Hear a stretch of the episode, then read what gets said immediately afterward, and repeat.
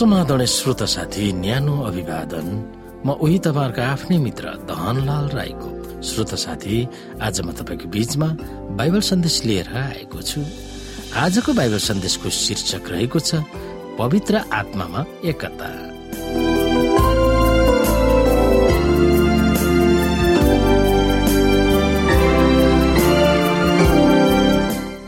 श्रोत साथी चर्चमा एकता कायम राखेर विश्वासीहरूमा एक आपस कसरी पोषण गर्नुपर्छ भनेर एफएसीको पुस्तक चार अध्यायको एकदेखि सोह्रमा हामी हेर्न सक्छौ। यहाँ पावलले कसरी उत्साह दिन्छन् हामी एकदेखि हेरौँ। यसकारण म प्रभुको निम्ति एक कैदी तिमीहरूलाई आग्रहपूर्वक विन्ती गर्दछु कि जुन बोलावटमा तिमीहरू बोलाइएका छौ त्यही योग्यको जीवन यापन गर। सारा दिनता नम्रता र धैर्यसँग एउटाले अर्कालाई प्रेममा सहेर शान्तिको बन्धनमा पवित्र आत्माको एकता कायम राख्न प्रयत्न गर। शरीर एउटै छ र पवित्र आत्मा एउटै हुनुहुन्छ। जसरी तिमीहरू बोलाइँदा एउटै आशामा बोलाइएका थियौ जुन आशा तिमीहरूको बोलाउटसँग गाभिएको छ। एउटै प्रभु एउटै विश्वास र एउटै बक्तिसमा हामी सबैका एउटै परमेश्वर र पिता जो सबैमाथि सबैका मध्य र सबैमा हुनुहुन्छ। र ख्रिसको वरदानको नाप अनुसार हामी हरेकलाई अनुग्रह दिएको छ।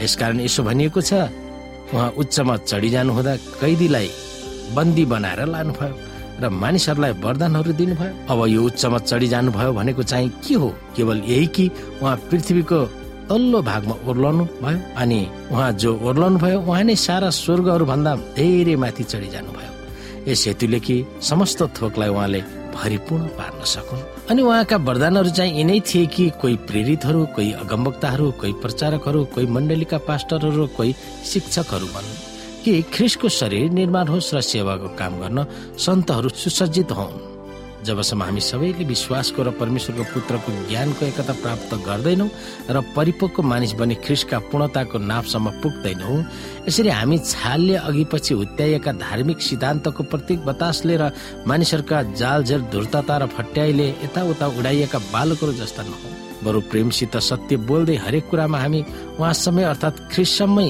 बढ्दै जाउँ जो शिर हुनुहुन्छ। उहाँबाट नै सारा शरीर प्रत्येक जोर्नीद्वारा जोडिएको र बाँधिएको भई प्रत्येक भागले ठिक ठिक काम गरी सुगठित हुनेछ र प्रेममा वृद्धि हुँदै जानेछ। श्रोता यशुका भावनामा चल्ने विश्वासीहरू एक होस् भन्ने चाहना भावुक भएर पावलले आह्वान गर्दछन्। त्यो आह्वान पावलले एफिसीको पुस्तकका दोस्रो आधा भागमा उल्लेख गर्दछन्।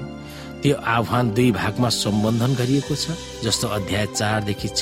पहिलो एफिसीको चार अध्यायको एकदेखि छमा विश्वासीहरू आत्मिक रूपमा एक आपसमा भरण पोषण गरून् भन्ने उहाँको चाहना छ। एफिसी चार अध्यायको एकदेखि तिनमा उल्लेख गरेका गुणहरूलाई विश्वासीहरूले प्रकट गरेर आत्मिक मन मन्दिरको निर्माण हुनुपर्दछ। सातवटा थोकहरूमा विश्वासीहरू एक हुनुपर्छ भनेर एफिसी चार अध्यायको चारदेखि छमा उल्लेख गरिएका छन्।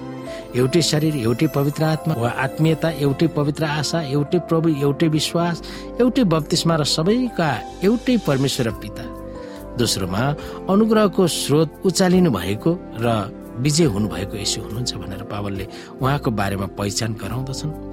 अरूहरूलाई सुसमाचार सुनाउने अनुग्रह उहाँले नै मानिसहरूमा राख्नुहुन्छ भनेर पावलले जिकिर गर्दछन्।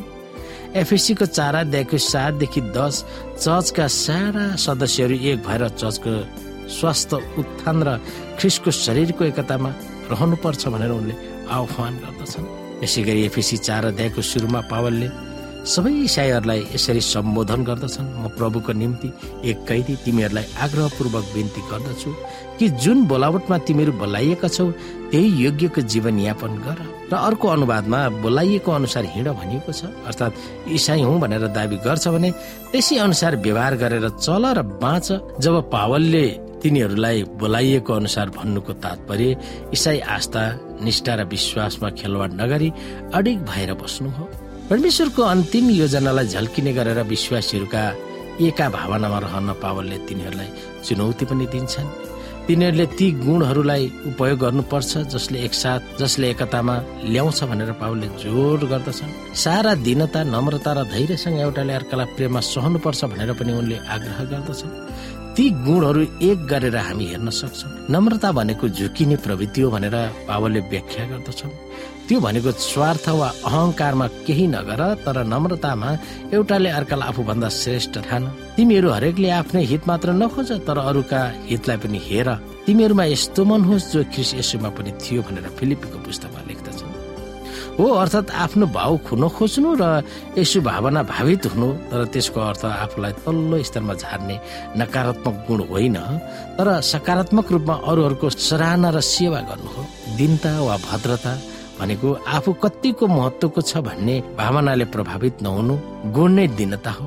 साथै शिष्टता अरूप्रति संवेदनशील हुनु र नरम वा नम्र हुनु आखिरमा धैर्यता वा सहनशीलता यसको अर्थ जसले जे भन्छ र जे गर्छ त्यसलाई सहन सक्ने गुण जतिसुकै दुःख कष्ट दिए पनि प्रतिशोधको भावना नलिँदै बस्ने प्रवृत्ति हो। यी सबै गुण मिजास वा स्वभावहरूले आफ्नो भाव गौरव आत्मसम्मान र कदर खोज्ने प्रवृत्तिबाट स्वतन्त्र भएर अरूहरूको मूल्य मान्यतामा ध्यान दिनु पनि हो।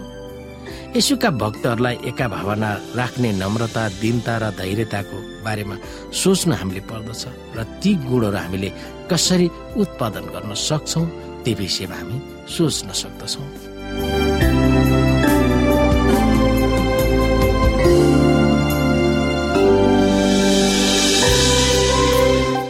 श्रोत साथी आजको लागि बाइबल सन्देश यति नै।